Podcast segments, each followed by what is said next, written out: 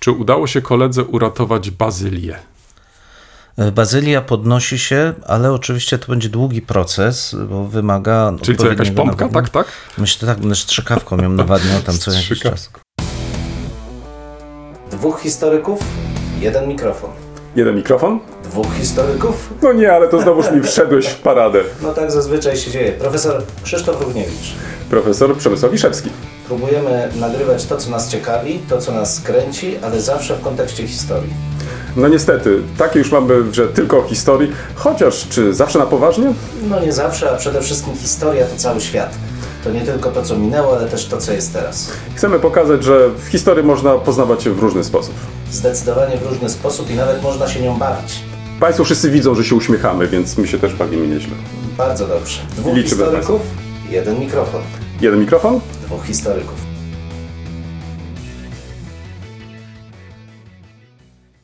Ta bazylia nie pojawiła się przez przypadek, ponieważ kolega wrócił z dalekich wojaży. No tak, to rzeczywiście nie, nie Tak było. patrzę nie na niego, blisko. ale tutaj nie ma jakichś takich szczególnych, jakichś takich oznak, że wrócił. Krem 50 plus. Tak, a jednak, a jednak, ach. No kolega... No to powiedz, opowiedz, no bo to, bo to tak nie na co dzień się, wiesz, wjeżdża tak Nie, daleko. Proszę Państwa, bardzo sympatycznie z rodziną wybraliśmy się do Rzymu i rzeczywiście O. przepiękne miasto, wstyd się przyznać. Ale nie byłeś tam przecież po raz pierwszy. No właśnie pierwszy raz. Naprawdę? byłem. No mówię, dlatego wstyd się przyznać. Przy, przy czym oczywiście nie mówię o tylko o zabytkach antycznych, które są powalające i chyba każdy student, miłośnik historii powinien je zobaczyć, żeby lepiej zrozumieć, czym było cesarstwo rzymskie, ale dla nie mnie... tylko. I nie tylko, tak, no kaput mundi jednak mimo wszystko, te inskrypcje, który papież co zrobił dookoła. E, I nie tylko starówki. papież, kolego. Historia najnowsza się jeszcze tu kłania. A, tam, no, no tak, tak, tak. Z Coś tam, pozostałościami po co, imperium. o tym też będę jeszcze mówił, tak, o tym o. też jeszcze będę mówił przy okazji naszych lektur, ale, e, ale chyba przede wszystkim na mnie największe wrażenie zrobiła ta starówka, czyli XIX-XVIII wieczne miasto. To jest niesamowite widzieć te ogromne e, kamienice Mhm. wybudowane w XIX wieku, no, dominujące takimi kanionami ulic w tym specyficznym Mhm. rzymskim, włoskim stylu e, i doświadczać takiego specyficznego, e, wolnego trybu, nawet jak życia w e, samych, samych Rzymian, szczerych, otwartych, choć z pewnym dystansem, nie narzucających się. Więc dla mnie ta podróż do, do Rzymu, którą mogę skontrastować ze swoim pobytem w Neapolu, no mogę powiedzieć, że brudno jest podobnie i w Neapolu, i w Rzymie. Podobno w Neapolu brudniej, no nie wiem. A, natomiast jeśli Ale to chodzi... jest inny brud, słuchaj. Jest inny brud, tak, tak.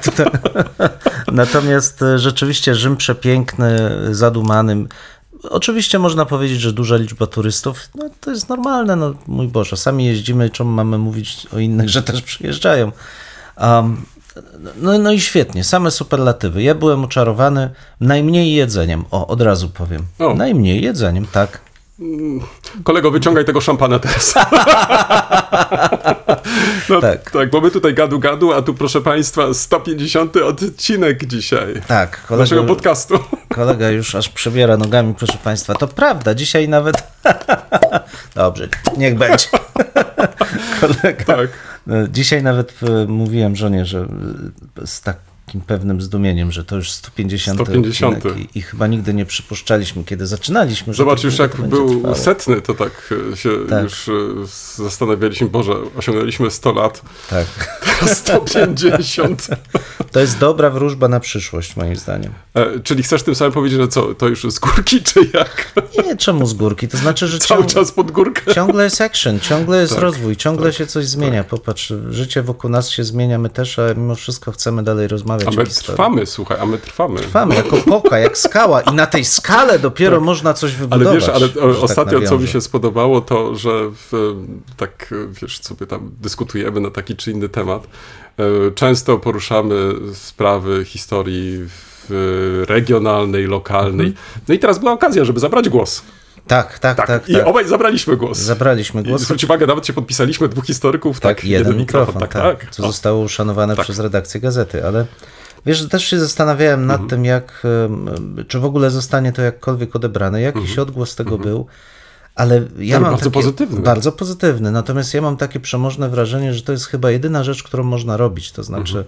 w tym y, dzisiaj jesteśmy tak ubezwłasnowolnieni władzą państwową, że jeżeli ktokolwiek myśli, że Spętani. no tak, trochę tak, że może jakoś, czy chce jakoś wpływać na rzeczywistość, to musi to robić wspólnie. To znaczy, trzeba działać razem, kreować e, ruch, jakiś głos, jakiś nawet krzyk czasami, bo chyba nic innego już nam nie pozostaje. Wiesz, e, tutaj w- dla mnie jest jeszcze co innego ważne, to znaczy to, że mm, zajmując się popularyzacją historii, bo przecież podcast dla nas jest Tak. e, takim, e, takim medium, za pomocą którego tą historię popularyzujemy, to mm, chcemy pokazać też, że na tym się nie kończy. To znaczy ta popularyzacja powinna też wychodzić poza to medium. No i w, w, o, zamieszczenie tego listu protestacyjnego, tak chyba w takich kategoriach możemy chyba go tak. rozpatrywać, um, no jest chociażby tego najlepszym przykładem, że, że w, w nasze rozmowy, nasze dyskusje mogą być takim też dobrym punktem wyjścia do mm, podjęcia e, różnych innych działań. Tak, zresztą wielokrotnie o tym publicznej. mówiliśmy, że, że to, co robimy, robimy po to, żeby uczulać też Mm. na pewne zjawiska. I tu tylko przypomnijmy, że chodzi o projekt wybicia dodatkowych Do dewastacji. do, do dewastacji jednej, jednej, z kaplic. Tak, z kaplic y, barokowych y, katedry wrocławskiej. Przyznam szczerze, pomysł tak absurdalny, że kiedy pierwszy raz się o nim dowiedziałem, to po prostu o nim miałem i, i naprawdę nie, no, no, no wyobraźcie sobie Państwo, barokowa kaplica, zabytek wysokiej klasy i ktoś Z postanawia... takim trudem odbudowana Tak, też. tak, bo po, to, to odnowiona po, to po, widzieć, po tak, zniszczeniach tak, II wojny światowej i nagle ktoś postanawia wybić w nich nowe drzwi. Nie drzwi, które były zamurowane, nie poszerzyć nawet otwór okienny, tylko wybić dodatkowe drzwi. Dobra, no już mniejsza o to, każdy może się zapoznać, jeżeli Odsyłamy do naszego tekstu. odsyłamy do naszego tekstu, ale zwracamy uwagę, że te 150 odcinków to nie tylko nasze gadulstwo, ale to też próba budowania e, pewnej postawy wobec rzeczywistości, wobec e, dziedzictwa kulturowego, wobec wspólnoty. Ale ten 150 odcinek to jest jeszcze coś więcej, kolego. Bo Mhm. zwróć uwagę, że wytrzymaliśmy do Tak. tego 150 odcinka, em, zakrywając Tak. swoje twarze, czyli tak trochę dyskutowaliśmy sobie mm, z pewnym dystansem, e, nie chcieliśmy się pokazać. Do końca nie byliśmy pewni, czy ten odcinek, czy ten pomysł e, zadziała, czy też nie. A teraz co? Zrzucamy w końcu. Zrzucamy maski, tak. Na pewno będzie to odpowiednio budzić radość wielu osób, dlatego też nasze Nas maski teraz palcami pokazuje. zrzucili w końcu maski, Maski, tak, ich, ich tak, wilcze tak, pyski są tak, na, na... tak. No więc dobrze, tak, tak, Tak, tak, jest. tak, tak. Ale co, już widzisz te kolejki, które się ustawiają po autograf? Trzy osoby może No pewno. więc właśnie. Chociaż nie, nie jest, słuchaj, tak źle. W, jak spoglądam teraz e, wstecz, to mm, e, nie jest tak, że z miesiąca na miesiąc mamy mniej słuchaczy i słucha, słuchaczek. Słuchaczek słuchaczy i słuchaczek. słuchaczy. Tak, właśnie słuchaczek. Em, wręcz nawet bym powiedział, że mamy tendencję w, w, wzrostową, co, co nas naturalnie bardzo cieszy i w tym miejscu pięknie wszystkim dziękujemy, jest. że wytrzymują te nasze rozmowy w takim czy innym kierunku. Mm, Tak, także, ale musimy jedną rzecz powiedzieć, że to, to pewnie i mielibyśmy nadal te twarze zasłonięte, gdyby nie nasz grafik. Tak, inicjatywa Nadworny. maestra Smętka Tak. była tutaj Nie, no decydująca. to wręcz powiedział panowie koniec już. Tak, że tak nie może być, to źle wygląda Tak. i w ogóle. No i to, co mnie strasznie ujęło, w to, że zaproponował, ja wam to zrobię za darmo. To mnie bardzo ujęło, to ja jestem ujęty wielokrotnie po prostu. No, proszę Państwa, mieć e, projekt tak znanego em, artysty, Tak. mm, grafika, malarza i do tego jeszcze za darmo. To Mhm. wcale nie oznacza, że w, to jest coś gorszego, żeby też nie było niejasności. Nie, my to naprawdę bardzo Nie, nie, doceniamy. nie, to nie jest projekt z odzysku, bądźmy W szczerzy. żadnym wypadku, no zaraz, zaraz, te nasze facjaty zostały nawet ekstra sfotografowane No, dla tego projektu. Prawda.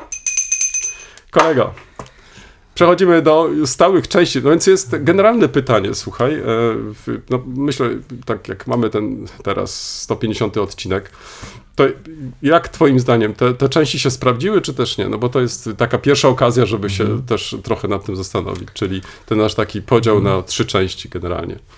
Wiesz co, wydaje mi się, że tak, nie mamy raczej głosów, znaczy ta, tak, powiem inaczej.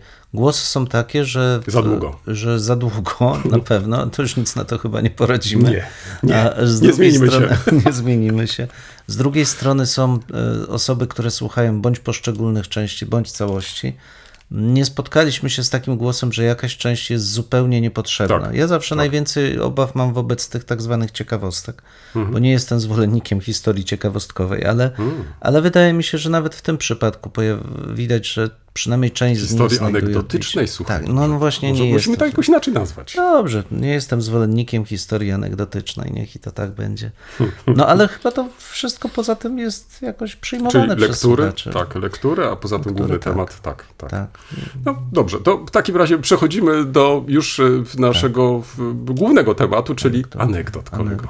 tak jak mówiłem, nie jestem zwolennikiem historii. Kolega tu często Nie miał, przygotowałem kolega- żadnej anegdoty. często miał tym. Okazję widzieć, że rodzę w bólach te wszystkie Proszę anegdoty. Państwa, on przechodząc przez most e, uniwersytecki, tak, tak, rodzi w bólach. tak, o, A to Państwo musieliby przejść się tego. po deszczu, bo tam rzeczywiście można nogę złamać. ale no, to trzeba patrzeć pod nogi. To trzeba patrzeć pod nogi. Ale wracając do naszej ciekawostki, rzeczywiście dzisiaj w nawiązaniu do lektury pomyślałem sobie, że nie jest to może taka ciekawostka dość oczywista, ale Maria Montessori, myślę, że coraz bardziej znana polskim e, hmm, zainteresowanym osobom, bo pedagogom już od dawna, e, wielka rewolucjonistka, jeśli chodzi o kształcenie e, dzieci, zaczęła swoją pracę jeszcze przed I wojną światową, e, kończyła, szlifowała swoją teorię i w praktyczne jej zastosowanie w domach dziecięcych w latach po II wojnie e, światowej. I Włoszka, która rzeczywiście występowała przeciwko wszystkiemu, co było tradycyjne w kształceniu dzieci, ale i pozycji kobiet, to feministka, bez dwóch zdań. Natomiast ma w swoim życiu epizod, y, który budzi kontrowersje do dzisiaj. E, mianowicie, kiedy, kiedy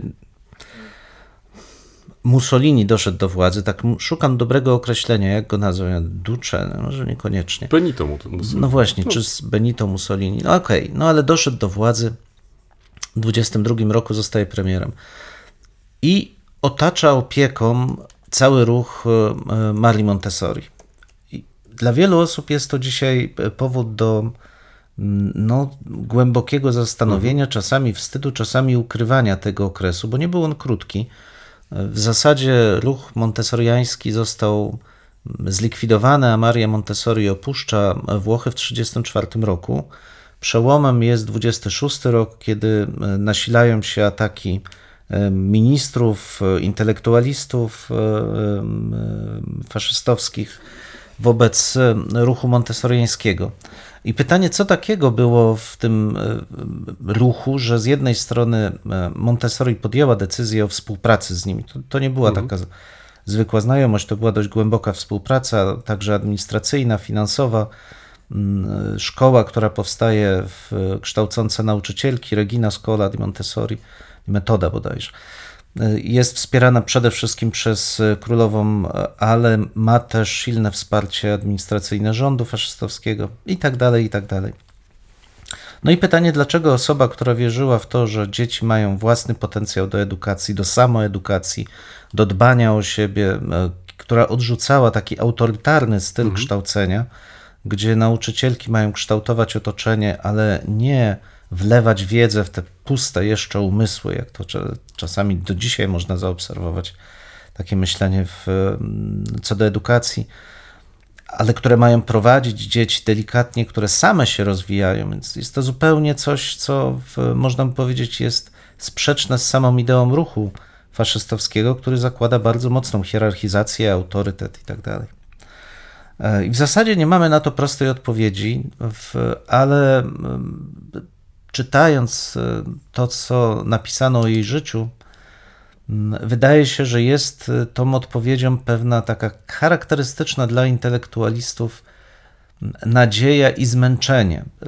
Y, Zmęczenie wynikające z tego, że Maria Montessori, choć była jeszcze przed y, przewrotem faszystowskim szeroko uznana na świecie, jej książki, jej szkoły powstawały y, w zasadzie od lat od 1907 roku w e, coraz większej liczbie krajów, zwłaszcza w Stanach Zjednoczonych, w Hiszpanii, gdzie długo mieszkała. E, A nawet w 1913 pierwsza, pierwszy dom dziecięcy, czyli właśnie przedszkole i szkoła Montessori, powstaje w Petersburgu. Więc ta, ta, ta jej metoda naprawdę jest uważana za jedną z przełomowych w, w myśleniu o wychowywaniu dzieci, ale nie we Włoszech. We Włoszech, pomimo e, najpierw istnienia takiego instytutu San, w San Lorenzo, domu dziecięcego, potem prób e, prowadzenia tej edukacji przy współpracy też z Wyższą Szkołą Pedagogiczną we, w, w, w Rzymie, rozwija się słabo, dominuje bardzo tradycyjny model funkcjonowania szkolnictwa, bardzo elitarny też dodajmy. Montessori e, nigdy nie, znaczy zaczynała przede wszystkim od e, kształcenia dzieci w, z niższych warstw społecznych i choć potem jej szkoły w dużej mierze stały się elitarne ze względu na to, że były szkołami prywatnymi, bo właśnie państwo zaniechało wspierania tego ruchu, to zawsze te korzenie troski o dzieci, e, także te dzieci z dołów społecznych, z najniższych warstw społecznych, były u niej bardzo silne. I w momencie, kiedy dochodzi do władzy Mussolini, nagle otwiera się wielka szansa przed nią, bo to sam Mussolini pierwszy wyciąga rękę. No on podkreśla, że bardzo chciałby tej współpracy i w zasadzie tutaj wszyscy są zgodni, że jego cel był jasny, to znaczy on chciał pokazać światu, który był zaniepokojony tym, tą dyktaturą prawicową, że jest to coś zupełnie innego, że on jest otwarty, że chce tylko i wyłącznie dobra ludu, um, nauczanie w duchu montessoriańskim miało wspierać taki konstrukt.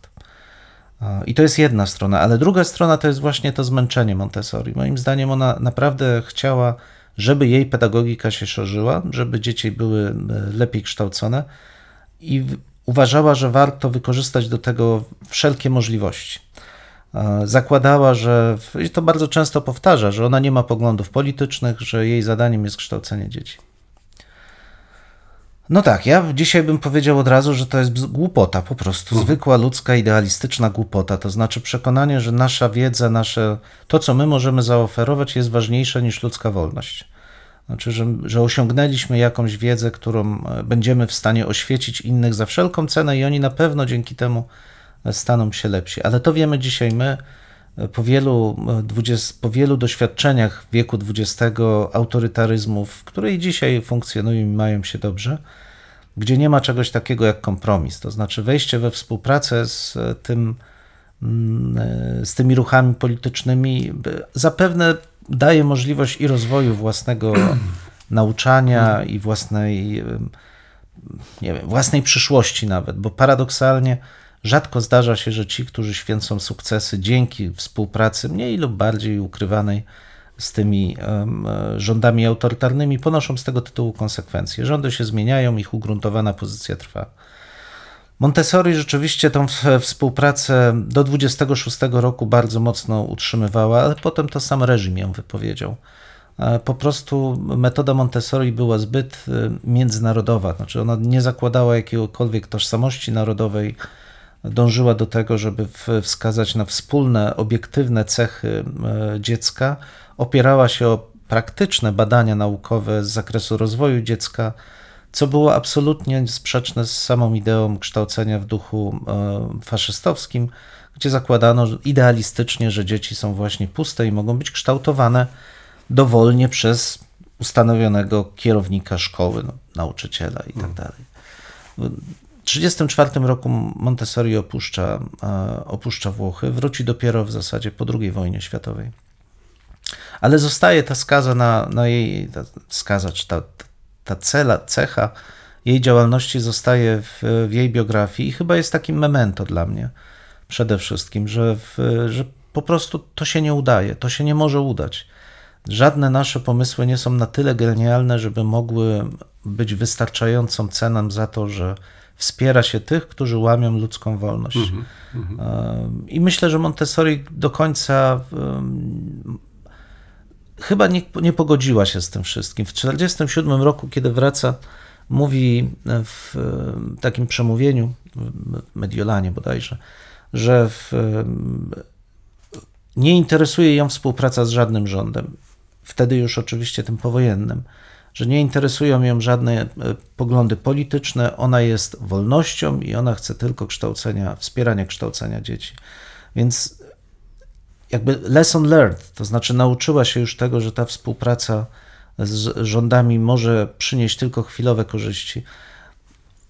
Sprawą naprawdę dyskusyjną jest, na ile to wszystko było jeszcze szczere, bo to rzeczywiście wsparcie rządowe było bardzo potrzebne do rozwoju szkolnictwa, ale dla mnie jest to naprawdę takie silne memento. Nawet najlepsi, najbardziej światli ludzie mogą dać się łatwo skorumpować tej wizji wsparcia ze strony rządu, ze strony władzy, takiego, który łamie wolność, ale nigdy nie przynosi to e, pożądanych No ale skutków. to chyba tutaj to jest ta kluczowa kwestia, to znaczy, bo przecież mamy różne rządy, Tak. rządy demokratyczne, Tak. autorytarne, totalitarne i tak dalej, więc ja myślę, że tutaj masz na uwadze przede wszystkim te dwa ostatnie, czyli autorytarne i totalitarne Tak, tak, i tutaj to taka ten zachwyt, e, że nowe możliwości, ten e, jakiś taki modernizacyjny element, Tak który za tym też się krył, e, no, wielu fascynował. Tak, wieli- absolutnie. Wielu szło właśnie Tak, na tą współpracę. Em, No, pytanie oczywiście, nie, nie znam biografii na tyle Mhm. w, w, Montessori, żeby, żeby tutaj się wypowiadać, ale, ale pytanie do ciebie w takim razie, czy, czy ona e, jakoś e, także w późniejszych latach nabrała dystansu też do tej swojej współpracy w latach dwudziestych, czy dla nich to nie, nie był jeszcze żaden temat? Bo Mhm. dlaczego zadaję to pytanie? Bo, bo Włosi mają szczególny stosunek do, Tak. do reżimu Mussoliniego i wcale on nie jest e, tak jednoznacznie Negatywny. negatywnie Tak, tak, oceniany. To tak. przecież wystarczy przejście ulicami, byłeś w Rzymie, to Tak. ulicami Rzymu, gdzie mm, ja nie powiem, że na każdym kroku, ale, ale co kilka ulic znajdziesz Tak. takie czy inne pozostałości po okresie Mussoliniego, Tak łącznie z e, cytatami, w, nawet wizerunkami Tak, i tak, tak, dalej, i tak, tak. dalej. Nie, wiesz co, dla mnie to też jest uderzające. Ja też nie jestem jakimś specjalistą, no bo że to bardziej żona mnie edukuje w tym zakresie i kilka książek mogę przeczytać, ale wydaje mi się, że ona do końca nie, nie oceniła negatywnie tego okresu. Raczej widziała go jako coś, co było kolejną próbą rozwinięcia jej metody dla dobra dzieci, a nie powiodło się ze względu na to, że politycy są jacy są i no, no i tyle. Um, ona też nigdy nie angażowała się w życie polityczne. E, Podobnie zresztą mówiła też, czy starała się swoim uczennicom i, i uczniom e, przekazywać, że najważniejsze jest dziecko i to, jak się to dziecko będzie wychowywać, kształcić. Natomiast wszystkie te kwestie polityczne mają charakter e, drugorzędny. I zgadzam się z Tobą, że z punktu widzenia Włochów ruch, ruch Mussoliniego był wręcz w wielu przypadkach ożywczy. Taki, który miał łamać dawne przywileje, ten, który miał łamać skostniałą strukturę społeczną. E, No wiele z tych rzeczy zrobił, nie ma co ukrywać, ale za określoną cenę, jaką było zniewolenie tak naprawdę społeczeństwa. Tak się zastanawiałem, czy, czy nie pójść y, trochę w twoim śladem i czy nie wymienić tutaj jednego z tak zwanych y, pedagogów, y, reformatorów Adolfa Reichweina, ale może to zostawię na inną Mhm. okazję, bo ta idea, którą w, opisał w książce Das Schaffen der Schulvolk, kapitalnie wpisywała się w ten okres, to znaczy, gdzie mm, zachęcano w, nauczycieli, ale przede wszystkim uczniów do tego, ażeby mm, łączyć e, tą naukę z, e, z praktycznym e, działaniem, czyli na przykład e, zakładanie przyszkolnych e, ogródków i tam na przykład e, mm, nie tylko sadzenie, ale też doglądanie, pielęgnowanie i tak dalej, i tak dalej. Czyli krótko mówiąc, wykonywanie różnych robót ręcznych, e, taka, żeby łączyć naukę z tym takim praktycznym, e, z praktycznym zastosowaniem tej e, nauki, ale to może przy, przy innej okazji. Natomiast e, to, na co chciałbym z kolei zwrócić uwagę, to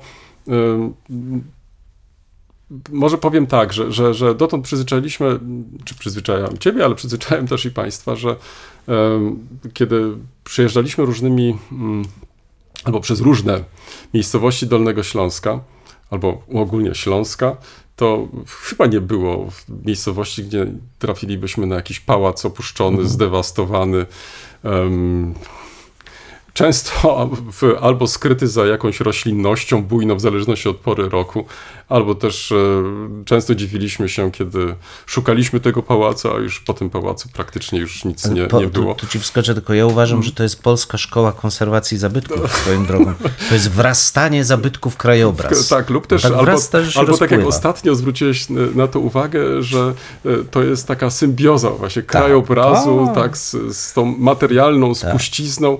No i teraz jest pytanie, która z tych rzeczy um, przejmie inicjatywę i tak dalej, i tak dalej. No ale to zostawmy to. Natomiast um, tym razem um, na co innego chciałem zwrócić uwagę. Na pierwsze takie próby, nie wiem czy mogę określić nieśmiałe, rewitalizacji ruin. To znaczy mhm. w chwili, kiedy mimo, że mamy do czynienia już z, ze zdewastowanymi budynkami, że tak naprawdę do czynienia mamy też tylko z samymi murami. To jednak znajdują się inicjatywy lokalne, ale także i e, myślę, że można generalnie też powiedzieć powiatowe, które e, także w tych ruinach już dzisiaj e, w no coś odnajdują, to znaczy widzą jakąś szansę, jakąś nadzieję, że na przykład dzięki temu w, nie tylko zainteresują miejscową w ludność, ale też i być może w przyszłości będzie to też magnes przyciągający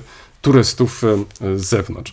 I e, faktycznie przed kilku laty w Żmigrodzie e, w, tak potraktowane, potraktowano ruiny po pałacu Hochbergów. Jeśli ktoś z Państwa nie był, to polecam. Mhm. Kapitalnie mhm. W, zabezpieczona ruina. W, sporo się tam dzieje, bo zrewitalizowano nie tylko te ruiny, ale także i park. Przepiękny, warto faktycznie go zobaczyć. Tydzień temu rozmawialiśmy o różnych parkach. Tutaj to jest też taki śląski, dolnośląski piękny przykład parku w Mm, znanej rodziny arystokratycznej e, i możemy troszeczkę się też tak poczuć, e, kiedy przechodzimy po tych właśnie pomieszczeniach. E, trudno to nazwać pomieszczeniami, bo to są właściwie mury zabezpieczone, ale, ale przechodząc w, po tych różnych piętrach, możemy sobie jakoś tam wyobrazić, jak E, wyglądał ten pałac w przeszłości, ale przede wszystkim możemy faktycznie przespacerować się po tym pięknym e, ogrodzie. Świetna, tam jest, e, świetny jest tam też punkt informacyjny, także polecam, zwłaszcza kolega tu lubi jeździć rowerem, tak więc znajdziesz tam sporo różnych mapek dotyczących wędrówek, czy też możliwości korzystania z roweru w Dolinie Baryczy, bo to tak mniej więcej jest to ładnie określane i tak też jest to promowane. Natomiast drugi taki y, zabytek, y, nie mniej ważny, jedna, można powiedzieć, z pereł barokowych y, na Śląsku, jeśli chodzi o budownictwo pałacowo, czy też te założenia pałacowo-ogrodowe, bo to często były e, właśnie połączone rzeczy, e, jest pałac w Goszczu. I kilka tygodni temu E, udostępniono ten e, zrewitalizowany, albo inaczej, te zrewitalizowane ruiny do zwiedzania. Słuchaj, no koniecznie musisz tam pojechać. Proszę Państwa, zachęcam Państwa. Dawno już nie widziałem tak świetnie um, oddanych um, ruin, gdzie praktycznie wszystko zostało tam poprawione. To znaczy, E, cegła została zabezpieczona, dalej różnego rodzaju kotwy, które łączą takie czy inne e, części tych właśnie ruin. E, wstawiono też mm, schody i tymi schodami możesz się udać na piękny taras, który mniej mhm. więcej jest na płaszczyźnie dachu i stamtąd masz kapitalny widok na najbliższą okolicę, mhm. ale na tym nie poprzestano, to znaczy nie tylko na zrewitalizowaniu tych ruin, ale też postanowiono mm, odrestaurować budynki po, e, pałacowe i tam e, znajduje się jedno wielkie centrum kultury. Chcę mhm. to tak nazwać, jedno wielkie, ponieważ stworzono różne pracownie. Jest fotograficzna na przykład, mhm. jest malarska i tak dalej, i tak dalej. Tak więc dla mieszkańców Twardogóry to jest mhm. około 5 mhm. kilometrów od w Goszcza, od Goszcza, tak? W 5 km to jest to kapitalna mhm. propozycja korzystania z różnych Mm, e, atrakcji kulturalnych e, tego miejsca. Ale myślę, że także i wrocławianie mogą z tego też e, skorzystać, mm. bo to jest w końcu około 50 kilometrów. To nie jest Dojazd jest świetny, natomiast zobaczenie tego, jak można zrewitalizować ruiny, myślę, że e, to powinien być też e, wzór do pewnego naśladowania. Wiem, że jest jeszcze trzecia e, taka rewitalizacja, nie wiem czy już ukończona, nie miałem okazji tego sprawdzić kilka miesięcy temu, jak przyjeżdżałem i zatrzymałem się tam W Ząbkowicach. To jeszcze trwały prace, ale to jest trzecia taka rewitalizacja, w, na którą warto zwrócić uwagę. Ja myślę, że w mniejszych miejscowościach, na przykład w Wielczu Laskowicach mamy um, ruiny e, zamku, które nie są w, w, jakoś tam szczególnie zabezpieczone. Jest to trwała wprawdzie ruina, ale nie jest to tak może zrewitalizowane, jak to na przykład w tych wcześniejszych miejscowościach. Ja myślę, że to jest kapitalny wzór, jakby można było pojechać tam, zobaczyć, podejrzeć. No i na koniec e, taka może uwaga generalna. E, oczywiście nie byłoby to możliwe bez środków, bez pieniędzy. E, tu udało się władzom gminy pozyskać środki norweskie mhm. i dzięki temu faktycznie z, wykonać większość prac. Pozyskano też środki ministerialne, to też warto e, dodać. Więc e, pokazuje to tylko, że jeżeli ktoś jest tym zainteresowany, ma jakieś takie poczucie wagi i znaczenia tych właśnie miejsc i teraz jak w przyszłości można też te miejsca wykorzystać, no to na pewno znajdzie różne e, możliwości. Tutaj ten przykład w pałacu w Goszczu jest naprawdę jednym z takich, bym powiedział, wzorcowych, ale o tym pałacu jeszcze dwa, trzy zdania powiem w następnej części. Mhm.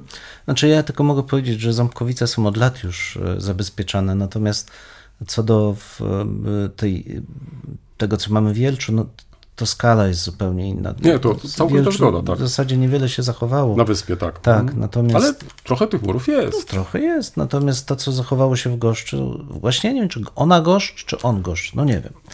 Mówi się razie, pałac w Goszczu. W Goszic. W każdym razie.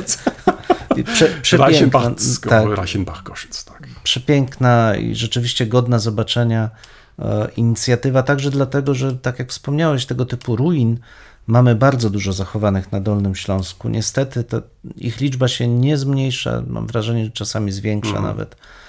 Choć naj, najgorsze były lata 90., teraz to wygląda już trochę lepiej. Więc takie trwałe zabezpieczenie ruiny jest bardzo ważne, a też dla samej miejscowości może być ożywcze, bo przyciągnie jednak turystów, którzy będą, no nawet jeśli nie każdy, to jednak niektórzy z nich, mając dobre zaplecze, jeśli mm. takie powstanie, mm. będą mogli zostawić nieco pieniędzy w tym właśnie ośrodku. Lektury kolega.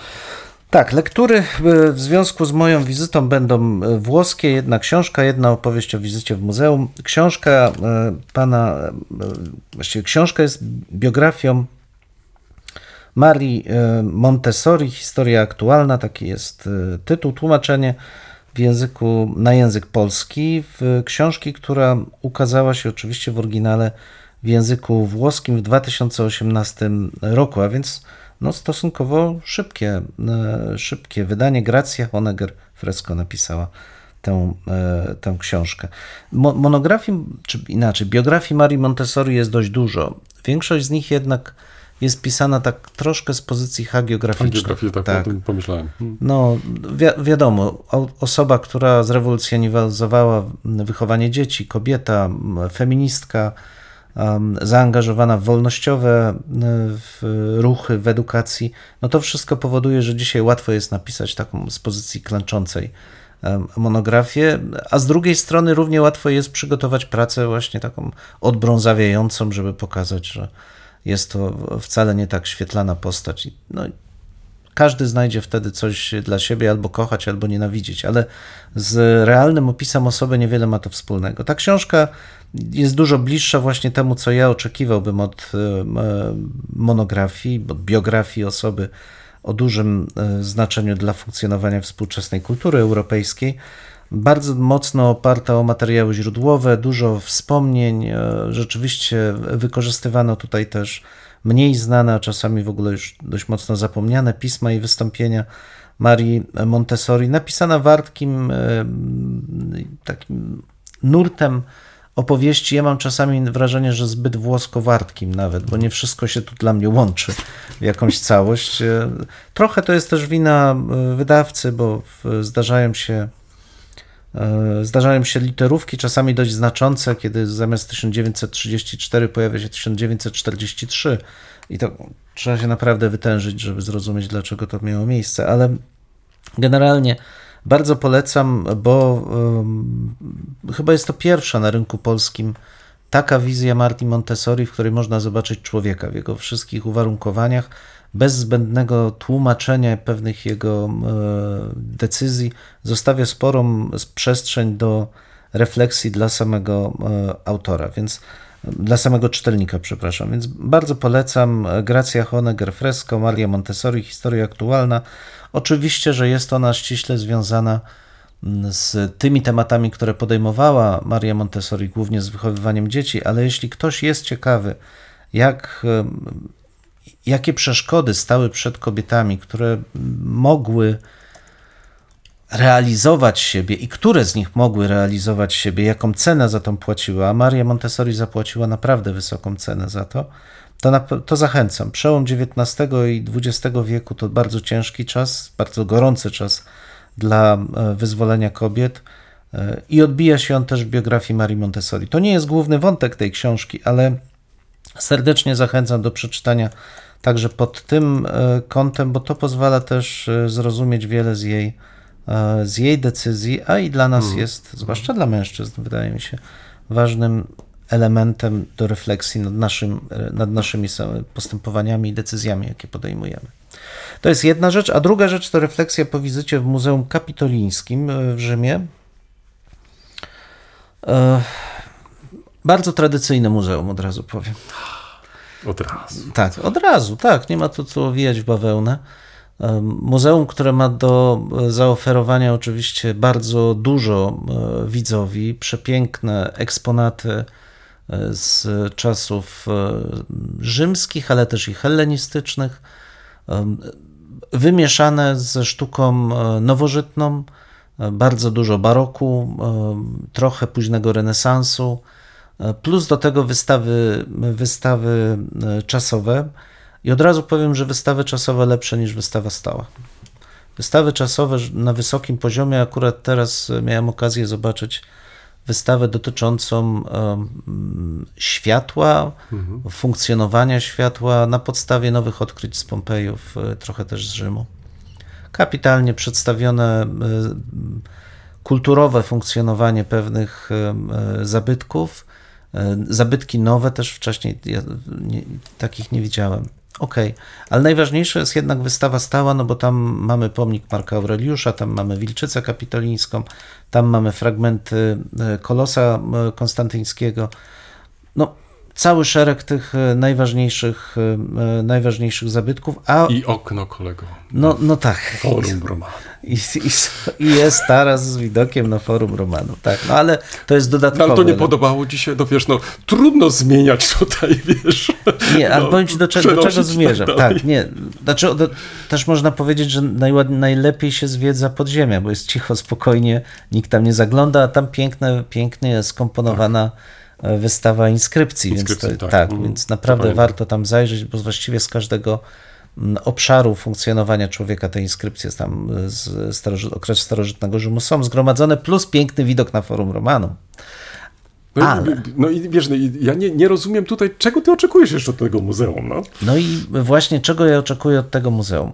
Y, najważniejsze, te najważniejsze, najważniejsze, najważniejsze z najważniejszych eksponaty zgromadzono w jednym forum, w jednym miejscu, właśnie forum w jednym miejscu, czyli w hali Marka Aureliusza i to rzeczywiście ciekawie e, zaprezentowano. Dużo światła, to jest bardzo ważne. Dużo światła odpowiednio ustawione, ale to jest klasyka takiego tradycyjnego eksponowania. Coś, o czym mówiłeś w poprzednim mhm. naszym odcinku, że w przypadku Muzeum Warszawskiego Narodowego już jest przeszłością, tam mamy te nowoczesne kontekstualizowanie zabytków. Tu nikt nie dba o żaden kontekst. No po prostu sru, sru, sru, sru, sru. Najważniejsze zabytki w miarę od siebie oddzielone po to, Ale żeby to jest były. Rzym, kolego. Ale właśnie do tego zmierzam, że w zasadzie mam takie odczucie, że przy tej wystawie stałej to i to nie, to nie tylko tutaj, nie tylko w tym rzymskim muzeum. To muzealnicy rzymscy wychodzą z założenia, że mają tak wartościowe zabytki, tak. że choćby je postawili na śmietniku, to i tak turyści przyjdą i będą się zachwycać. No bo trochę to tak wygląda, wiesz, masz absolutnie ni przypiął, ni przyłatał wnętrza z barokowymi zdobieniami, gdzie stoją e, przepiękne zabytki z okresu mm. helenistycznego czy wczesnorzymskiego, opatrzone włoskimi podpisami i koniec. Koniec. No, tak. No. Albo nawet jeśli są multimedia, to oczywiście tylko po włosku. No i sobie lecą i już, no i tyle. I drogi turysto, kochasz albo możesz iść dalej. Więc, e, Albo bierzesz słownik i tłumaczysz. albo bierzesz słowo, tak, bierzesz słownik. To zresztą dzisiaj jest dużo prostsze. Obiektyw Google'a działa i można sobie tłumaczyć spokojnie. No ale wracając, co, co to oznacza? To znaczy w praktyce oznacza to, że dla e, zwłaszcza młodszych od- odbiorców to jest bardzo trudne. To znaczy dojrzały odbiorca jest już w stanie sam kontekstualizować sobie, sam powiedzieć, dlaczego to jest wspaniałe, co się za tym kryje. Mm, Ale dla dzieci czy nastolatków to jest kompletnie niezrozumiałe. Nie miało być o szkole, ale to w szkole nasza młodzież tego nie poznaje? Wiesz, to jest dobre pytanie, bo mój, rozmawiałem z moim synem, mój syn się śmiał, mówi, wiesz co tata, rzeczywiście, Rzym i Grecja są najlepiej utrwalone w wykładzie historii w, w szkole. Ja się uczyłem o tym w, dwukrotnie w szkole podstawowej, a teraz trzeci raz przechodziłem to w liceum. Więc niby powinny, ale bez tego kontekstu to co najwyżej zobaczą, że to jest to samo, co by było na obrazku Tylko, że w oryginale. tylko że w oryginale. I e, o ile łatwiej jest zupełnie inaczej odbiera się Palatyn czy Forum Romanum, gdzie sama skala przemawia, e, też moim zdaniem nie jest to najlepiej zorganizowane, ale no Koloseum też oczywiście, to, to przemawia sama skala, nie? Sam o, ogrom, komplikacja struktury, to wyobrażenie, że to 2000 lat temu, ale jednak ludzie już wtedy, podczas gdy my nawet garnków nie umieliśmy lepić, tylko sobie coś tam robiliśmy tutaj, wyściółkę jakąś. No, to, to, to robi wrażenie, ale sposób eksponowania taki e, zupełnie tradycyjny, moim zdaniem mocno zubaża e, wartości kulturowe, które za tym się kryją. Ale jeszcze raz podkreślę, ja to rozumiem doskonale, że po prostu jest to tak dużej taka jakość i kulturowa wartość za tym stoi, że sami muzealnicy nie bardzo mają chyba chęć cokolwiek tutaj nowego wprowadzać. I mimo wszystko, i znowu, mimo wszystko ja zachęcam do obejrzenia Muzeum Kapitolińskiego. Nie ma wielu odwiedzających. O ile Muzeum Watykańskie to jest nie do zwiedzenia ze względu na ten tłum, zadum, Przewala się w jedną i drugą to jest stronę. po prostu w ogóle strata czasu jak dla mnie. A to Muzeum Kapitolińskie pod tym względem jest zupełnie inna. Niewielka liczba zwiedzających, dużo cienia, dużo spokoju. Można spokojnie sobie zwiedzać na wiele różnych e, sposobów. Warto 3, 3 godziny sobie co najmniej 4 zarezerwować. A czy stanąłeś przed Wenus i podziwiałeś? Nie? Zawsze.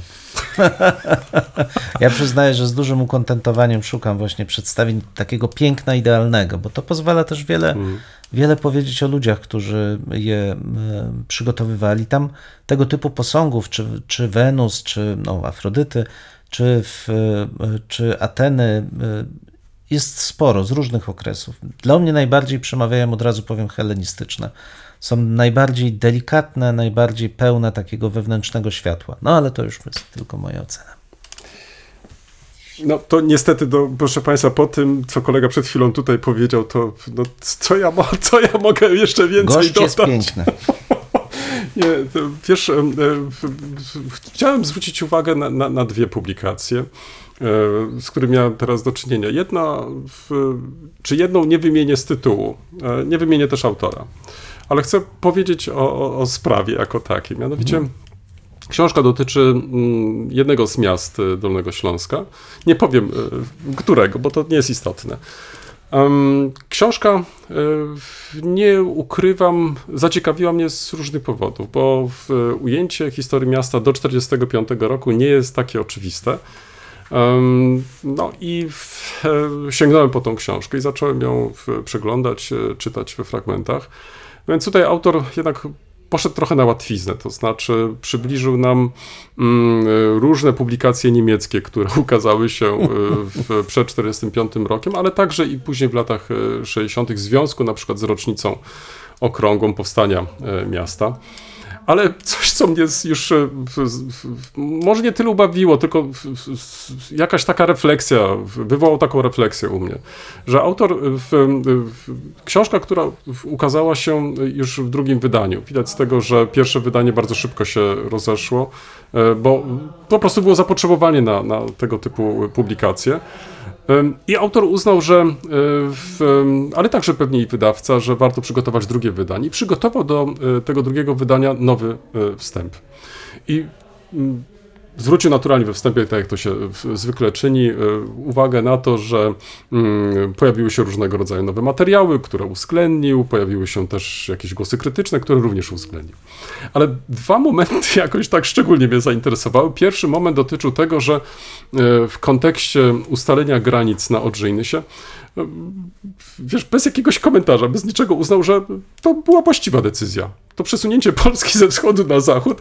Yy, yy, tak sobie pomyślałem, tak, aha, no dobrze, czyli już znajdujemy się w tych właściwie, no, właściwych granicach Polski po stuleciach. Mhm. No ale autor poszedł krok dalej i teraz króciutko przedstawił działania Armii Czerwonej i zaznaczył to w ten sposób, że e, doszło do zajęcia miasta, że tutaj e, w, w, czołgiści zablokowali w, do, drogi dojazdowe do, do, do, do rynku, a równocześnie poinformowali, że e, za chwilę przyjdą piechurzy i ci to są ci gorsi, którzy będą pewnie szabrować, gwałcić i tak dalej. Wiesz, i na tym poprzestał. I tylko jeszcze później zaznaczył jednym zdaniem, że faktycznie do takich zdarzeń doszło. No, ale ja jako czytelnik chciałbym dowiedzieć się czegoś więcej. No, w, co się tak naprawdę w tym mieście stało? No, w, nie ma żadnych materiałów i tak dalej. No, później e, e, ta, ta druga rzecz, która mnie też zastanowiła, bez żadnego komentarza, bez niczego, a jest to publikacja, która ukazała się w 2000 już tam dziesiątych latach. Polska wróciła do macierzy. Wiesz, ja już w którymś momencie zacząłem się zastanawiać, Boże. Um, Polska czy Śląsk? Nie, to znaczy inaczej. Y, to miasto wróciło do macierzy. Aha, masz rację, okay, całkowicie okay, okay. tak, masz rację, że wróciło do macierzy. Mhm. Gdzie autor przez, y, no, można powiedzieć, ileś dziesiątek stron y, przedstawia nam tą historię, nazwijmy ją umownie niemiecką i, i nagle stwierdza ni stąd, ni zowąd, że jakaś sprawiedliwość dziejowa się wydarzyła. Wiesz, ale opowiadam o tym nie tylko dlatego, żeby opowiadać, e, tylko w, pierwszym na przykład wydaniu, w, we wstępie do pierwszego wydania, w ogóle te elementy się nie znalazły. One się tam nie pojawiły, one się pojawiły dopiero. Duch czasów. Później. To jest jedna rzecz. I druga, faktycznie, byłem w pałacu w Goszczu Byłem już tam wcześniej kolego, ponieważ e, tu przypomnę, kolega, proszę Państwa, przed kilku laty realizował taki wielki projekt badawczy dotyczących e, zapomnianych miast e, dolnośląskich. No i. Mm, gmin, nie tylko miast. Gmin, no właśnie, gmin, tak. I dzięki temu projektowi i temu pomysłowi kolegi powstało sporo różnych publikacji, między innymi jedna, która dotyczyła powiatu milickiego. Mhm. No i tak się złożyło, że tutaj autorzy dali mi wolną rękę, więc mogłem się wyżywać fotograficznie, e, więc zawitałem do, te, do, mhm. do, do tego pałacu w Goszczu e, już w 2019 roku, tak, w 2019 roku i faktycznie wtedy to jeszcze była to znaczy tak, ruina tak i tak była, ale była ogrodzona, więc e, coś wskazywało, że, że, że coś się będzie działo. Um, Niewiele było tam rzeczy odrestaurowanych i tak dalej. Nawet nie miałem za bardzo kogo się zapytać, e, jaki, co, co się będzie dalej działo z, z tym założeniem pałacowo-parkowym. Dotarliśmy też do e, w, w takiej kaplicy grobowej i cmentarza rodziny von Reichenbach-Gütsch, tak? Mhm. E, I mm, też stan tragiczny, właściwie nieuporządkowane, wszystkie te groby mm, porozwalane, czyli coś, co właściwie znamy.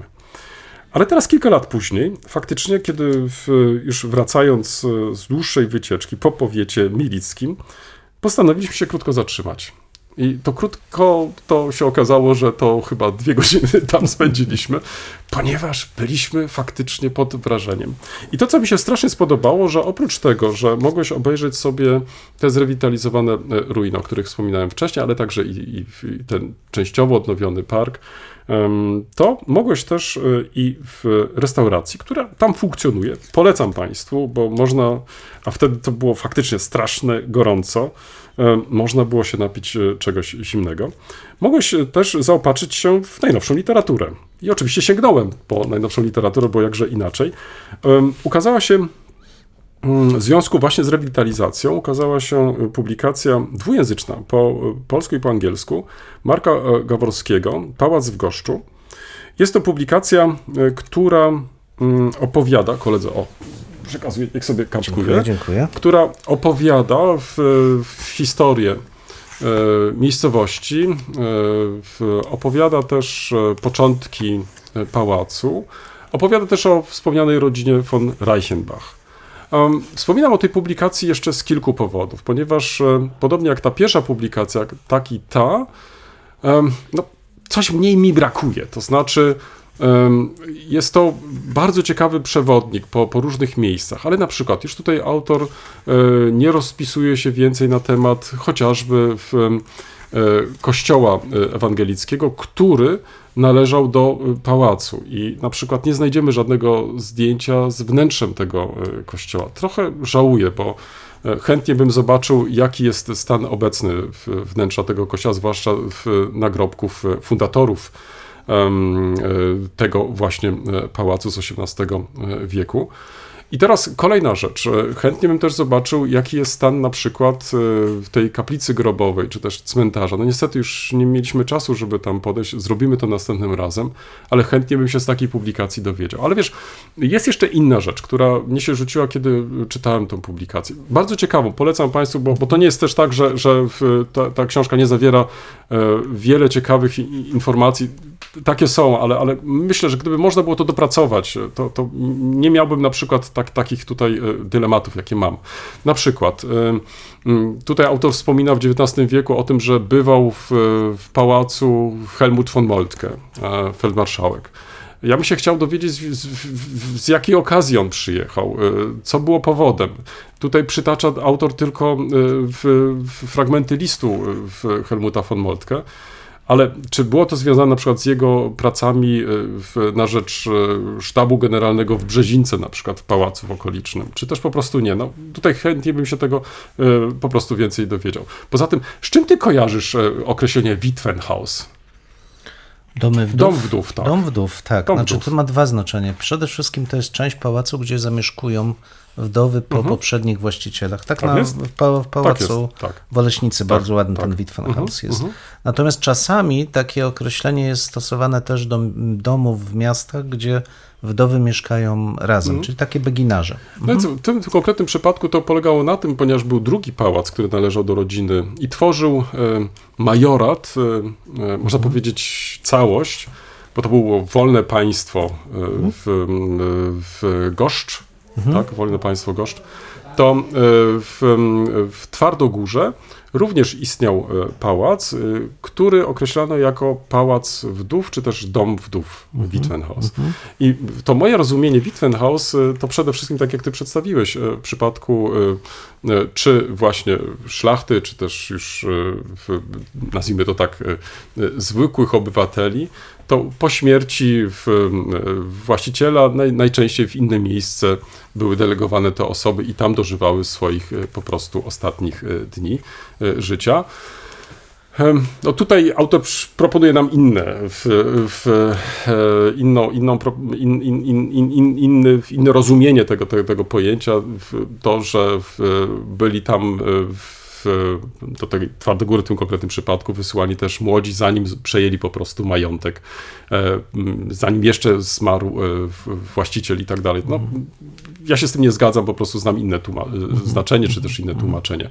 E, No i takich momentów w tej książce znajdziesz takich niedopracowanych wiele. Na przykład są na przykład pewne niedopowiedziane rzeczy, na przykład, że e, jeden z właścicieli w Reichenbach e, po śmierci żony w, po prostu gdzieś zginął. No po prostu, nie można go było znaleźć, no po prostu. No. Zawieruszył się. Tak, ale później kilka stron dalej czytasz, że jednak ostatecznie się znalazł. No, wiesz, no, życzyłbym sobie jednak też taki, pe- pewnego takiego, cio, cio, takiego ciągu, tak, znaczy, żeby nie powtarzać może w różnych miejscach tych samych informacji lub też ewentualnie, żeby doprowadzić tą narrację do końca. Niezależnie od tego, chcę polecić faktycznie tą publikację, ale przy okazji, myślę, że mając na uwadze to, że y, i bardzo dobrze się stało, że taka publikacja właśnie w związku z rewitalizacją y, w tych ruin się ukazała, e, Myślę, że warto zabrać też do torby inne e, materiały, z których warto skorzystać. I tutaj, słuchaj, chcę powiedzieć o trzeciej książce, która muszę ci powiedzieć, że nie wiem z jakich powodów, ale nawet to y, przed chwilą sprawdziłem. Nie wiem, czy e, korzystasz czasami, jak e, jedziesz e, w, w, w, zwiedzać e, Śląsk, czy zabierasz ze sobą em, zabytki sztuki w Polsce, Śląsk? Ten tom właśnie poświęcony Śląskowi. Jest to tłumaczenie z języka niemieckiego i to wydanie polskie ukazało się już w 2006 roku. Słuchaj, nigdzie tego nie można kupić. Ja korzystam cały czas z, niemieckiego w, w, wydanie, bo, bo takie mam. Chciałem kupić polskie, ale to jest nie do kupienia. Ono kosztuje 300 chyba czy 400 zł. To jest po prostu jakieś, wiesz, horrendalne kwoty. Em, Apel do wydawcy. E, Czy nie warto e, po prostu wznowić wydania? No, chyba łatwiej jest korzystać z katalogu zabytków.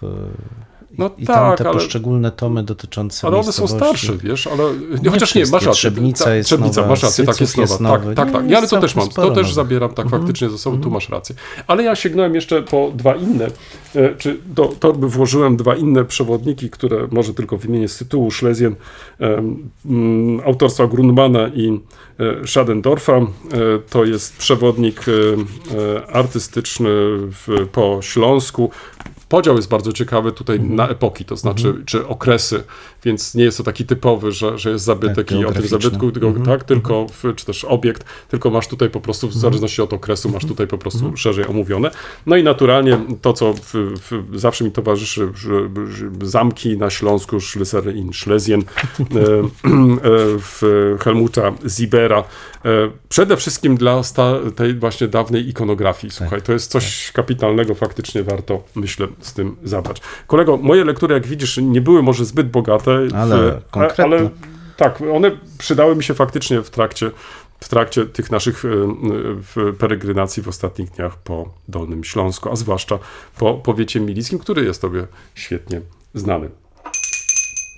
O, i tutaj, kolego, pomyślałem sobie, że e, ponieważ jest to nasz ten, ja tylko przypomnę, 150 odcinek, a my to tak, tak gadamy, tak jak to by był jeden z wielu naszych odcinków kolej, ale kolejnych, ale to jest szczególny e, odcinek. I tak sobie pomyślałem, że tydzień temu kolega tak e, strasznie narzekał, że on tutaj w ogóle żadne muzea, żadne kościoły, a jeżeli tak. już, a jeżeli już, to tylko jedno muzeum, jeden kościół. Dziennie to by się zgadzało, Tak, ale tak, zdarza mi się tak. więcej. To Tak, tak, i, i teraz pomyślałem sobie, że pójdę krok dalej i, i zapytam teraz kolegę, korzystając z faktu, że mamy ten okres wakacyjny i, i sami się też jakoś tam przygotowujemy do różnych wyjazdów, czy zabierasz ze sobą przewodnik lub też przewodniki?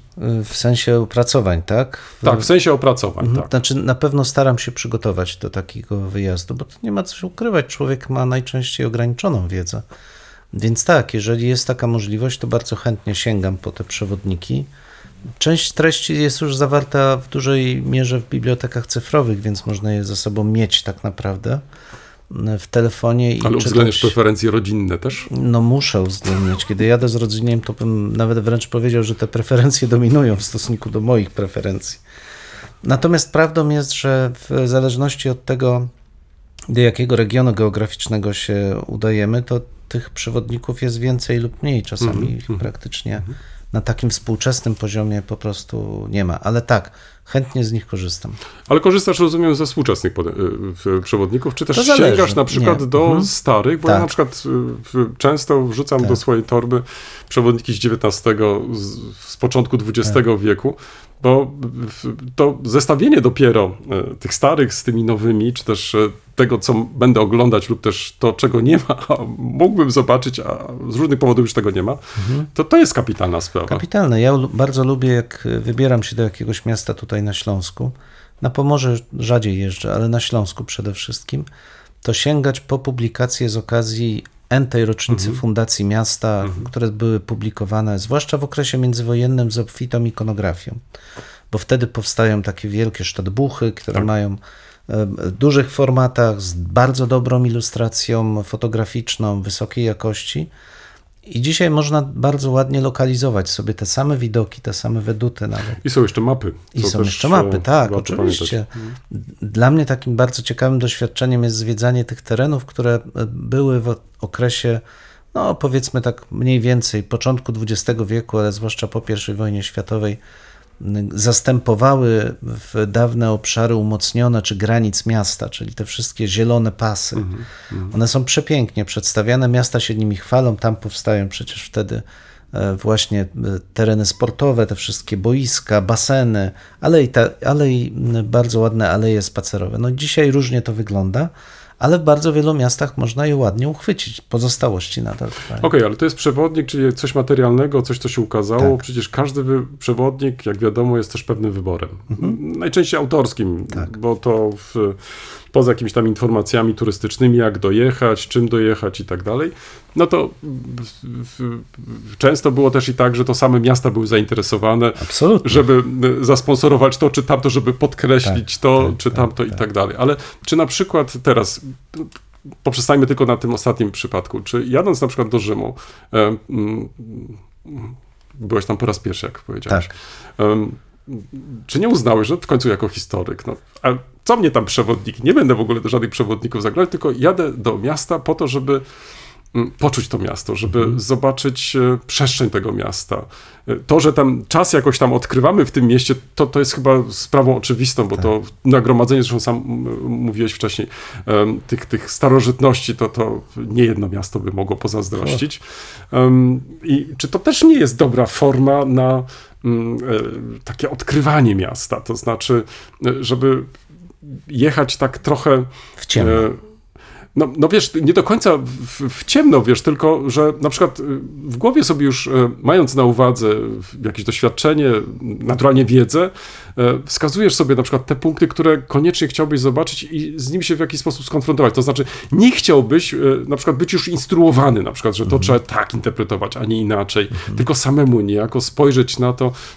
Nie masz takiego, takiej, takiej potrzeby, takiej chęci?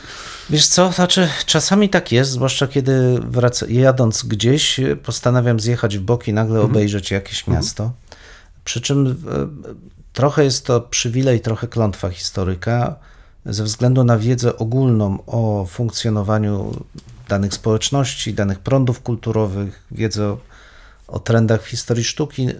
Wiele, wiele rzeczy nie jesteś w stanie zobaczyć po raz pierwszy. No po prostu widzisz i od razu włączają ci się wszystkie te schematy interpretacyjne. I oczywiście mówię, że to klątwa z jednej strony, bo właśnie te schematy się włączają, ale z drugiej strony to też błogosławieństwo, bo dzięki temu jestem w stanie zrozumieć, co ja w ogóle widzę. Faktycznie powoduje to, że nie odczuwam tego w sposób taki czysto estetyczny, że, że widzę nie tylko kształty i ich korelacje ze sobą, ale widzę też treści intelektualne, które za nimi się kryją. Więc y, że najczęściej jest chyba tak, że mam, czy dobieram sobie informacje dotyczące konkretnych punktów, bo chcę coś o nich wiedzieć, żeby je zrozumieć. Natomiast e, atmosferę miasta rzeczywiście chłonę już bez, podręczni- bez podręczników, bez przewodników. Od razu powiem, że nie przepadam za ludzkimi przewodnikami, choć zdarzają się mi, i to już mówiłem na przykład w, w Kamiennej Górze w muzeum, kontakty z naprawdę wysokiej klasy przewodnikami.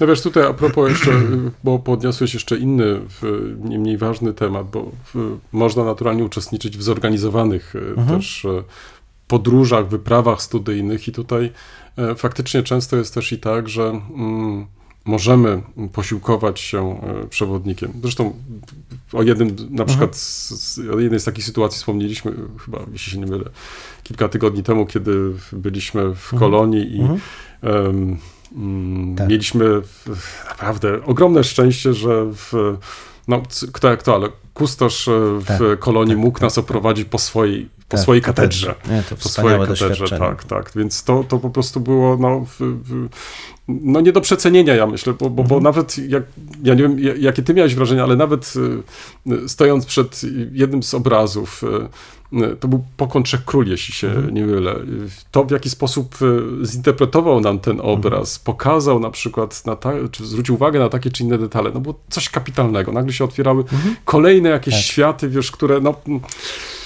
No i to jest właśnie, widzisz, to jest ta przewaga historyka. Klątwa i przewaga. jednocześnie. No, no tak, ale, ale wiesz, ale to jest z drugiej strony to nasze oczekiwanie, żeby dowiedzieć się czegoś więcej, prawda? To, to, Tak to chyba się zgodzisz. Tak, Z kolei y, przeżyłem no, koszmar wręcz, kiedy byłem w, w kościele w to jest mm, e, dworskim e, w Dreźnie e, i stałem przed ołtarzem e, poświęconym ofiarom bombardowań. Właściwie może szerzej można to potraktować e, w III Rzeszy, w, w, ale także i bombardowań. I tam są e, wpisane w tym przepięknym ołtarzu z, e, wykonanym z, z porcelany miśnieńskiej, nie wiem czy, czy, czy, czy kojarzysz, e, są wykonane daty. No, po, nie chcę używać tu brzydkich określeń, ale w każdym razie naprawdę, które nie sposób nie zobaczyć. E, przejęcie władzy przez nazistów i e, data dzienna bombardowania e, Dresna w 1945 roku. Stoję krótko, bo lubię czasami dłużej się zatrzymać, oglądać, e, skoncentrować się na jakiejś jednej części, drugiej i tak dalej. I przyszła polska wycieczka. Może inaczej, wycieczka z Polski z polskim przewodnikiem. Jakie dyrdy mały ten człowiek zaczął opowiadać, to już chciałem naprawdę przerwać. Już wychodziłem z siebie, a znasz mnie, że w takich sytuacjach to kolega potrafi, że tak powiem, e, e, wywołać e, trzęsienie ziemi. Ale żona mnie, że tak powiem, Okiełznała uspokoiła, tak, szczęście. uspokoiła. Wiesz co, wyjdźmy już. Widzę, że e, za chwilę będziesz chciał zabrać głos, ale to, to wiesz, to, to nie jest ta, ta publiczność, to, to, Mhm. to nie jest ten moment, wiesz. I faktycznie chyba mnie uratowała przed jakimś, wiesz, wielkim wybuchem. Słuchaj, to było coś tragicznego, wiesz, e, i dlatego e, przewodnik, tak, ten materialny, zgoda. Później to takie, ładnie to określiłeś, ten taki, taki zjazd przypadkowy, w, w zatrzymanie się e, w miejscowości, które nie planowaliśmy. Kapitalna sprawa. Można oczywiście korzystać też z tej pomocy przewodników, a może sami powinniśmy się stać przewodnikami, słuchaj. No, wiesz co, byłem nawet raz. Raz Mhm. mi się zdarzyło w ramach Wielkiej Orkiestry Świątecznej Pomocy. jeszcze jako rektor, tak, sobie, jeszcze tak, jako rektor e, wygrała ze mną. Jak, słuchaj, jakie Bardzo, miałeś bardzo pozytywne. wrażenia? Spacerowaliśmy sobie po centrum Wrocławia, opowiadałem o genezie, o funkcjonowaniu całego miasta. E, os- Osoby uczestniczące, wydaje mi się, były zadowolone, zresztą przysłały potem takie bardzo ciepłe podziękowania za to. Natomiast to nie jest oczywiście też łatwa praca i mm, przewodnik, który ma przedstawiać historię od początku do końca e, całej miejscowości, musiał, czy musi, powinien posiadać bardzo e, głęboką wiedzę, żeby właśnie nie opowiadać tak jak ładnie to określiłeś dyrdymałów, a z drugiej strony kontekstualizować ją, łączyć ją z tym e, przestrzenią geograficzną, co gorsza musi dodawać anegdoty. Bo to jest, ja oczywiście cierpię. No co wynika z tego, że osoby, które słuchają, spacerując, będąc rozpraszane rze- rzeczywistością, muszą nagle skoncentrować swoją uwagę. I anegdota jest świetna wtedy. Ona pozwala takim puch zwrócić uwagę I zapamiętuj. i zap... Cię, bardzo ciężka praca. Na- Ja bardzo szanuję dlatego tych przewodników, którzy traktują bardzo poważnie tę pracę. To znaczy, a, sta- a A też, znam. żeby nie było niejasności, to znaczy, bo są też i świetni przewodnicy. Dokładnie tak. Też cały czas trzeba podkreślać, że jest to po prostu rzemiosło, trudne rzemiosło, e, do którego trzeba się dobrze przygotować. N- No i mieć chyba przede wszystkim taki, takie emocjonalne też przekonanie, że to, co robisz, to nie jest tylko obsługa wycieczki, ale że tych ludzi wprowadzasz w pewną rzeczywistość, że pewien świat. otwierasz przed nimi. Obcy. Tak, dokładnie. Otwierasz przed nimi zupełnie nowy świat, nowe horyzonty. To jest bardzo pokrewne z tym, co my robimy de facto, co możemy my robić. Natomiast w przypadku przewodnika to jest też to tak, że on z jednej strony może skoncentrować się na jakiejś jednej trasie, o, ale i tak będzie musiał zderzyć się z tym, że będzie miał różnych odbiorców. My mamy tych odbiorców jednak dość wyselekcjonowanych. Zresztą to może powoduje, że ta praca e, popularyzatorska jest tak słabo obecna, bo jednak wymaga zmiany tego z perspektywy widzenia. No i wyzwań. Zwróć wyzwań. uwagę, bo to przecież e, są różne głosy, to są różne Dokładnie, pytania. tak. Nie, nie zawsze p- mógłbyś się spodziewać na przykład Tak. takich czy innych e, pytań, bo, bo, bo z nimi nie jesteś na co dzień konfrontowany w naszej sytuacji Dokładnie na tak, przykład. dokładnie tak. A to fakt. Wiesz, to, to jest też trochę tak, że nam się czasy zmieniają bardzo mocno i mamy coraz z jednej strony coraz więcej wycieczek, ale coraz mniej cierpliwości też wśród tych osób, które e, przybywają, które chcą się czegoś dowiedzieć, zrobić kilka zdjęć i wyjechać. Tak. I teraz em, mam wrażenie, że czasami przewodnicy się bardzo do tego przystosowują, to znaczy te ich opowieści siłą rzeczy stają się e, bardziej zbiorem anegdot, które mają przykuwać uwagę. E, Ewentualnie to jest widziałem już takie osoby, które oprowadzają po Wrocławiu.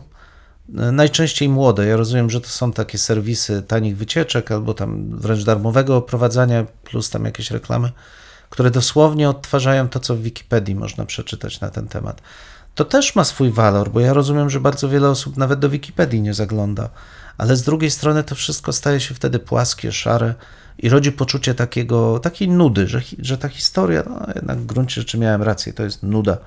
Plus tam jeszcze kilka anegdot ewentualnie. A co sądzisz o takim pomyśle? Teraz tak e, No. rzucam w, jako hasło, że na przykład, e, bo mamy ten 150 teraz odcinek, że na przykład e, moglibyśmy w nas, ciągu następnego, ro, czy następnego roku zorganizować na przykład jedną czy dwie takie podróże studyjne po Śląsku, po naszym Śląsku. Co sądzisz o tym? Mnie Dla ale- Mhm. wybranych osób, dla wybranych osób. To znaczy, wiesz, e, przecież nie jesteśmy w stanie tutaj wszystkie nasze słuchaczki, naszych słuchaczy e, Mhm. zaprosić, to jest po prostu niemożliwe. Ale na przykład tak się zastanowić, czy na przykład nie pokazać takich miejsc, które lubimy, na przykład, żeby, wiesz, na przykład zaproponować taki, ta, taką, taką jednodniową właśnie wycieczkę i tak w sposób taki skomprymowany. Nie tylko koncentrując się na anegdotach, chociaż pewnie i te się pojawią, ale pokazać na przykład jakieś wybrane, wybrane Bardzo fajny pomysł. obiekty. I byśmy się umówili na przykład w Miliczu, albo Na przykład. w Żmigrodzie, Tak. albo w Wałbrzychu. Bardzo fajny pomysł. Wiesz, to tylko t- tak. żeby pokazać, że e, ta popularyzacja wykracza poza nasz, Tak, naszą tak, rozmowę, tak, że, tak, że tak. możemy też poznać, kim są nasze słuchaczki i słuchacze. Słuchaj, No, jest taki fajny odcinek, fajne, przepraszam, przepraszam, fajne, złe określenie, nie lubię tego określenia. Pouczająca karykatura, w różnych odsłonach ją widziałem. Pogrzeb. Trumna leży na katafalku. Posłuchaj, posłuchaj, to ma głębszy sens wbrew pozorom. Leży na katafalku ta trumna, duża sala, trzy osoby siedzą i e, wdowa, ewentualnie nie wiem, czy to jest wdowa, ale dwie osoby, jedna mówi do drugiej. Miał 200 przyjaciół na Facebooku. Myślałem, że więcej z nich przyjdzie. Więc jest to też ciekawy test tego typu spotkanie. Jak wiele osób e, słucha, a jak wiele osób jest też zainteresowanych takim innego typu relacją. ale wiesz, to oczywiście się nie musi, się. Mhm. nie musi się spełnić. E, e, Myślę, że możemy Ale jestem za. Jesień uważam za dobry Wiesz, czas. można byłoby właśnie te, może je, jeden dzień Tak. tak, e, właśnie wykroić. Tak, tak. I tutaj, tak, tak, tak. jak reprezentujemy te nasze różne dyscypliny, no, nie dyscypliny, Boże, wróć, nie, różne epoki. Tak. Tak może to być e, o wiele bardziej ciekawe. Myślę, że tak. Myślę, że możemy coś ta, o czymś takim pomyśleć. Mamy też swoje kontakty z różnymi osobami Mhm. na całym Śląsku, które chętnie, myślę, by się włączyły. Mogły włączyć, tak. Jeżeli Państwo taką e, inicjatywę poprą, to czekamy w takim razie na sygnały. Czyli zaczynamy od Śląska, Tak, zaczynamy. ale przed Śląska. nami cały świat. Cały świat, jak najbardziej Bo tak oczywiście. na całym świecie mamy słuchaczy, kolego, Ale- to też chcę no ci jasne. przypomnieć. Ja, ja chcę do Japonii. Ja chętnie zrobię taki odcinek w Japonii. W tym miejscu stawiamy kropkę lub też jak to woli, kropkę nad i. No, mamy nadzieję, że to nie jest koniec, że to jest początek Waszych dyskusji. Mam nadzieję, że Was zaciekawiliśmy. Prosimy o komentowanie naszych em, zmagań z historią. Poniżej zdjęcia jest wystarczająco dużo miejsca. I pamiętajcie, nie regulujcie odbiorników. No, my naprawdę tak brzmimy. E, tak, chociaż być może czasami e, może trzeba ściszyć. No może czasami ten nasz rechot by się przydało wyciąć nawet. Dwóch historyków, Jeden mikrofon, jeden mikrofon. dwóch historyków. Dziękujemy. Dziękuję.